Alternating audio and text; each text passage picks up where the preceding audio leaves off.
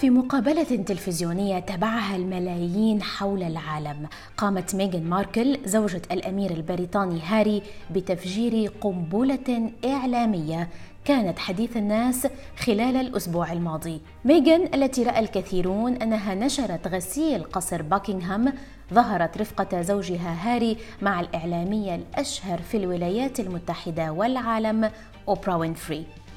فأطلت على الجمهور عبر شبكة CBS وفتحت النار على العائلة البريطانية المالكة وتحدثت بقضايا بالغة الحساسية أبرزها العنصرية والصحة النفسية. في حلقة اليوم من بودكاست في عشرين دقيقة سنقف على أبرز ما جاء في مقابلة ميغان ماركل التي أثارت زوبعة إعلامية كبيرة وعن تبعات هذه المقابلة. سنرصد بعض ردود الأفعال حول ما تكلمت به ميغان مع أوبرا وينفري. وكيف ينظر الناس إلى الأمير هاري وزوجته كشخصيات عامة؟ وإلى هذه الهالة من الجدلية والغموض التي تحيط بالثنائي الشهير. أهلا بكم. ترى سالي جريج مقدمة البرامج وملكة الجمال اللبنانية السابقة أن مقابلة ميغان ماركل مع أوبرا وينفري كانت ظهورا فريدا لزوجة الأمير التي تعرضت لضغوطات كبيرة من قبل الأسرة البريطانية المالكة.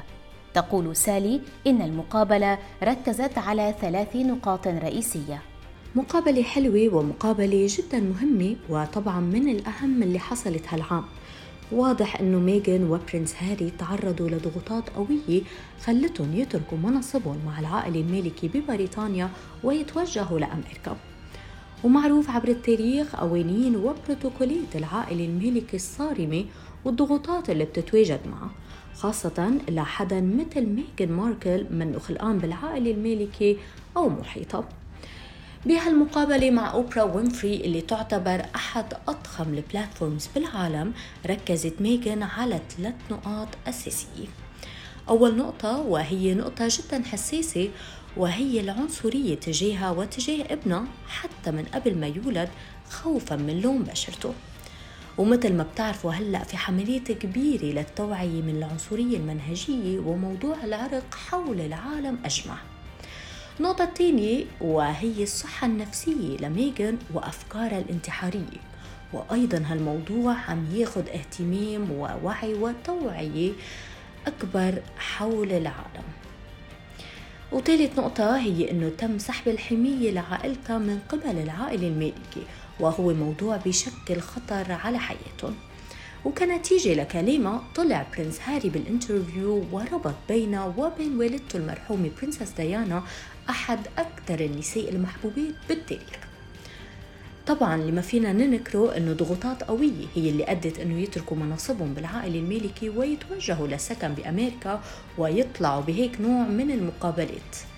إنما ما فينا ما نشوف إنه هالمقابلة معمولة بطريقة جدا مبرمجة ومدروسة من فريق كبير من ال PR يمكن نقدر نعتبرها هي خطوة جديدة ومهمة لإلهم بمشوارهم بأمريكا اللي تعتبر عاصمة الإعلام بالعالم. وأكيد المستقبل هو اللي رح يوضح أكثر تأثير هالمقابلة على حياتهم الشخصية والمهنية. حظيت مقابلة ميغان وأوبرا بأعلى نسبة مشاهدة لبرنامج ترفيهي منذ حفل توزيع جوائز الأوسكار في شباط فبراير 2020 وفق ما أفادت به شبكة CBS. إذ بلغ عدد مشاهدي المقابلة في الولايات المتحدة وحدها أكثر من 18 مليون شخص. كما أشارت المصادر إلى أن شبكة CBS دفعت مبلغ 7 ملايين دولار للحصول على حق بث مقابلة أوبرا وينفري مع الثنائي الملكي. طبعا لم يكن أطراف المقابلة وحدهم من استرعوا الضجة الإعلامية الكبيرة التي رافقت اللقاء بل كانت أيضا التصريحات النارية التي قدمتها ميغان حول تفكيرها بالانتحار وعدم توفير الحماية الكافية لها من الصحافة البريطانية. والحديث في قصر باكنغهام حول لون بشرة ابنها آرتشي حتى قبل ولادته. بينما كشف الأمير هاري بأن والده الأمير تشارلز خذله وشرح الأسباب التي أدت إلى ابتعاده عن المهام الملكية.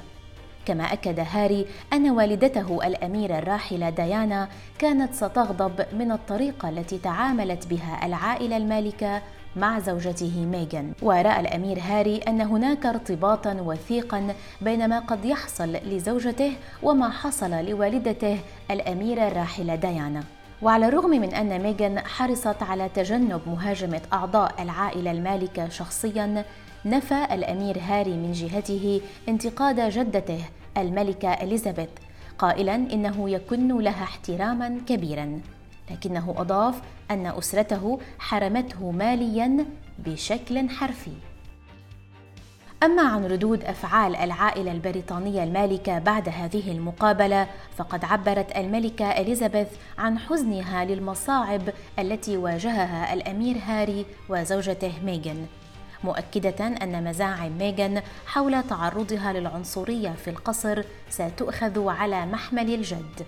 وفق بيان صادر عن قصر باكنغهام كما أفادت شبكة سي ان ان الإخبارية أن قصر باكنغهام سيستعين بشركة قانونية للتحقيق في مزاعم التنمر ضد ميغان ماركل التي أخبرت أوبرا أنها لم تكن مرتاحة خلال إقامتها في القصر. لا أحد يعلم ما الذي يحصل خلف الأبواب الموصدة. هذا ما قالته ميغان عندما روت لأوبرا قصة وضعها النفسي المضطرب في قصر باكنغهام إذ أشارت أنها كانت تفكر بالانتحار بصورة مستمرة وأنها سعت للحصول على المساعدة والمشورة الطبية. لكن تم إخبارها أن هذا لن يجلب أنباء سارة للعائلة المالكة. كما كشفت ميغان أنها عقدت قرانها مع الأمير هاري في حفل زفاف سري قبل ثلاثة أيام من حفل الزفاف الملكي الذي تابعه الملايين حول العالم. مشيرة إلى أن ذاك الحفل المهيب كان مشهدا للعالم وأنها أرادت مع هاري أن يكون لهما زواج خاص بهما. الثنائي هاري وميغن كانا قد قررا الخروج من العائلة المالكة بحثا عن الراحة من ضغط الصحف ووسائل الإعلام التي كانت تلاحقهما. وهذه النقطة بالتحديد تثير عدة تساؤلات حول الغرض من إجراء مقابلة تلفزيونية يكون لها كل هذه الأصداء. كما أثارت المقابلة الجدل أيضا بسبب توقيت عرضها خاصة أنها تزامنت مع دخول زوج الملكة إليزابيث الأمير فيليب إلى المستشفى بعد خضوعه لعملية جراحية في القلب بالإضافة إلى أزمة كورونا الحادة التي تشهدها المملكة المتحدة وموضوع السلالات الجديدة للفيروس وحملة التطعيم والإغلاقات المتكررة للاقتصاد. الصحفية السورية نور عالول تخبرنا عن رأيها بهذا الموضوع. أنا حابة أحكي بثلاث نقط أساسية. النقطة الأولى آه، ميغان نفسها أساس آه، تركها للعائلة المالكة وأساس هاي المشاكل كلها هو الصحافة اللي عم تلاحقها. فما بعتقد كان خيار إنه التوجه لمقابلة مع أوبرا وينفري أكبر إعلامية وأشهر إعلامية بالعالم. في مقابلة يعني عم ينحكى عنها كان قبل ثلاث أو أربع شهور من بث المقابلة كان عم ينحكى عنها. وهي أكيد بتعرف هاي الضجة اللي كانت حتاخدها فما بعتقد إنه التوجه لهيك نوع من المقابلات هو ابتعاد عن الصحافة بالعكس هو خوض بالصحافة يعني بأقصى يعني درجاته. هاي نقطة. نقطة تانية كانت هي عم تحكي عن موضوع تعرضها للعنصرية من العائلة المالكة. أكيد الموضوع العنصرية أكيد هو مرفوض رفض قاطع بكل أشكاله وبكل أوجهه. لكن بالمقابل يعني كان في حديث بالمقابلة نفسها انحكى إنه هذا الشيء ما كان لا من الملكة ولا من الجد أو اللي هو زوج الملكة. ف بالتالي أي حديث عن عنصرية أو أي حديث عن حكي عنصري هو حديث خلينا نقول يعني ممكن هي تكون سمعته من شخص قد لا يكون له علاقة بال يعني قد يكون هو شخص مثلا آه، مرتبط بالعائلة المالكة بس قد لا يكون بهذه الأهمية. فهي لما بتجي بتنسب هاي التصريحات للعائلة المالكة وبهال بهالاتهامات هي فكأنها مثل هي كأنها هي عم تفجر قنبلة. وخاصة بهذا الوقت من هون بحكي بالنقطة الثالثة بهذا الوقت بريطانيا إذا يعني أنا قريت مثلا شيء عم يحكي إنه هذا الوقت كان أقل وقت عم ينحكى فيه بالصحف البريطانية سواء عن العائلة المالكة بشكل عام أو عن ميغان وهاري بشكل خاص يعني بش... بالتحديد. هذا الوقت بريطانيا مشغولة بالكورونا وبالموجات اللي اجتاحتها وبالسلالة الجديدة اللي ضربتها وباللقاح يعني الصحافة كانت أبعد ما يكون عن هيك حديث. وهن اجوا فجروه بهذا التوقيت ف في شيء غلط بطريقة بطريقة طرح الموضوع وتوقيته. وفيما تعتبر ميغان نفسها ضحية حملة تشويه حقيقية بسبب التغطية الإعلامية البريطانية لشخصها خرج الإعلامي والمذيع البريطاني الشهير بيرس مورغان عبر شاشة ITV البريطانية في برنامجه الصباحي المعروف Good Morning Britain. ليقول إنه لا يصدق كل ما تحدثت به ميغان ماركل في مقابلتها مع أوبرا وينفري. حتى أن مورغان انسحب ثائرا من البرنامج على الهواء مباشرة بعد أن صعد من انتقاده لميغان. فيما اعترض مذيع يشاركه تقديم الحلقة على موقفه. وأعلنت شبكة آي تي في في وقت لاحق استقالة مورغان. وفي تغريدة على حسابه في تويتر الذي يتابعه عليه أكثر من سبعة ملايين شخص قال مورغان إن حرية التعبير مبدأ يسعدني الموت دفاعا عنه. شكرا لكل الحب والكراهية. انسحبت لتمضية المزيد من الوقت مع آرائي. الانتقاد جاء أيضا من عائلة ميغان ماركل نفسها. إذ شنت سامانثا ماركل الأخت غير الشقيقة لميغان هجوما شديدا على أختها. قالت فيه إن زواج هاري وميغان سينتهي على الأرجح بالطلاق. كما أضافت سامانثا أن أختها ميغان تعاني من النرجسية ومن اضطرابات نفسية عديدة. قصة ميغان وهاري اللذين قررا التنازل عن مهامهما كعضوين في العائلة الملكية وآثرا العمل لتحقيق الاستقلال المادي تفتح الباب على جدلية حرية اختيار نمط الحياة والشريك أيضاً. الأستاذ عادل محمد منتج ومستشار إعلامي من السعودية يقول إن الشباب اليوم يتجه لاستخدام الإعلام كوسيلة للي الذراع تماما كما فعل الأمير هاري وزوجته مع العائلة المالكة بعد التشهير بهم في مقابلة علنية. أعتقد عندنا مشكلة اليوم في فهم الشباب لمفهوم الحرية ومفهوم الثورة على العادات والتقاليد آه، بدون أدنى سبب. اليوم الشباب يريد أن يمارس حريته في الاختيار كما فعل الأمير هاري.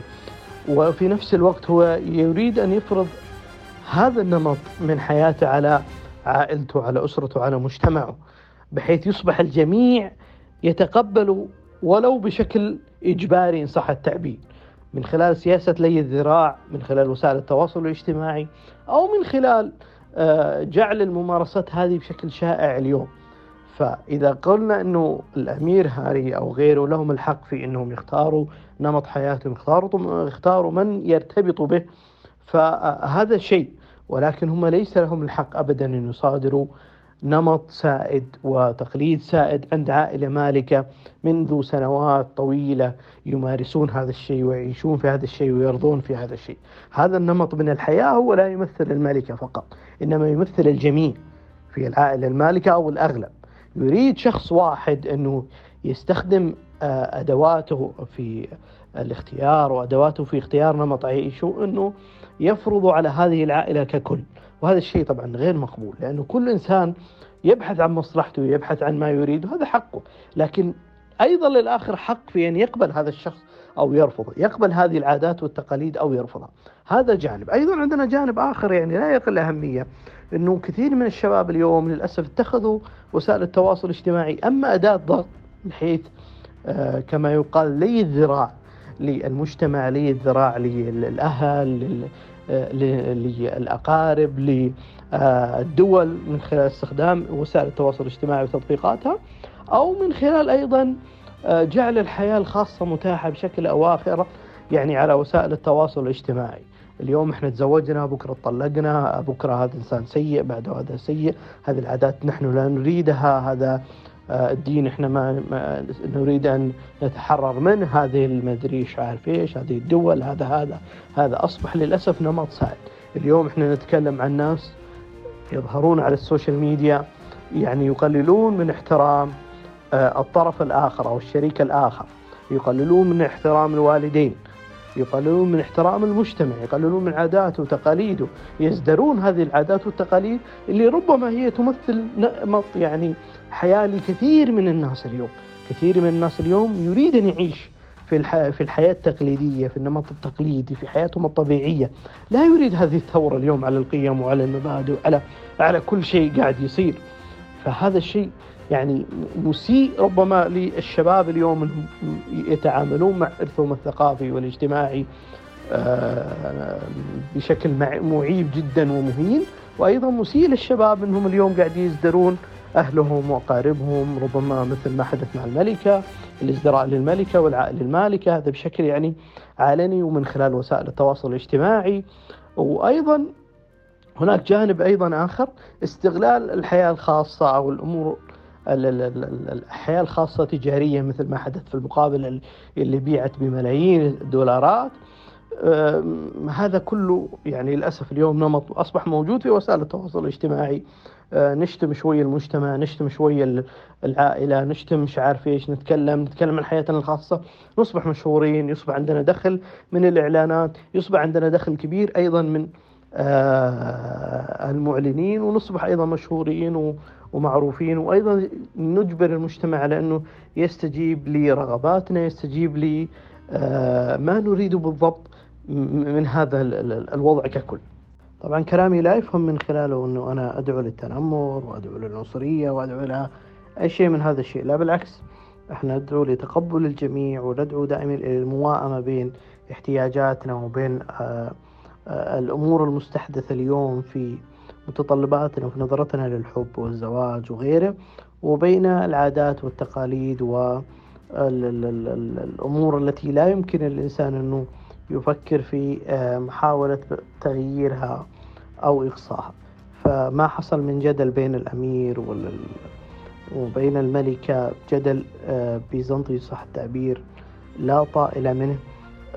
وأيضا إساءة للعائلة نفسها من خلال نشر يعني أمور ربما لا يمكن أنها تنشر أو ليس يعني من المحبذ نشرها اليوم. أيضا هي إضاءة دعوة أو دعوة للإضاءة على هي دعوة للإضاءة على الجانب الآخر من من الفكرة. فالجميع توجه إلى الملكة والعائلة المالكة وهم عددهم يعني آه، ليس بالقليل. حتى يغيروا بأفكارهم حتى يتهمونهم حتى يتكلموا عنهم بطريقة أو بأخرى. بينما الجميع لم ينظر إلى الجانب الآخر هو الأمير وما فعله والطريقة التي تعامل معها مع تعامل بها مع الأمور الحاصلة له. هكذا إذا قامت ميغان ماركل الممثلة الأمريكية السابقة التي تبلغ من العمر 39 عاما بإطلاق تصريحات جدلية وضعت العائلة البريطانية المالكة في أسوأ أزمة شهدتها منذ حادث وفاة الأميرة ديانا زوجة تشارلز عام 1997 فهل سيكون هناك تداعيات جديدة لما قالته ماركل؟ وهل سيفتح ما حدث الباب أمام فصل جديد من العلاقة بين الإعلام والعائلة المالكة؟ كانت معكم نور الحصني في الإعداد والتقديم وهذه نهاية حلقة اليوم من بودكاست في 20 دقيقة. شكرا لكم على الاستماع إلينا ونلتقي في حلقة جديدة على راديو الآن. إلى اللقاء.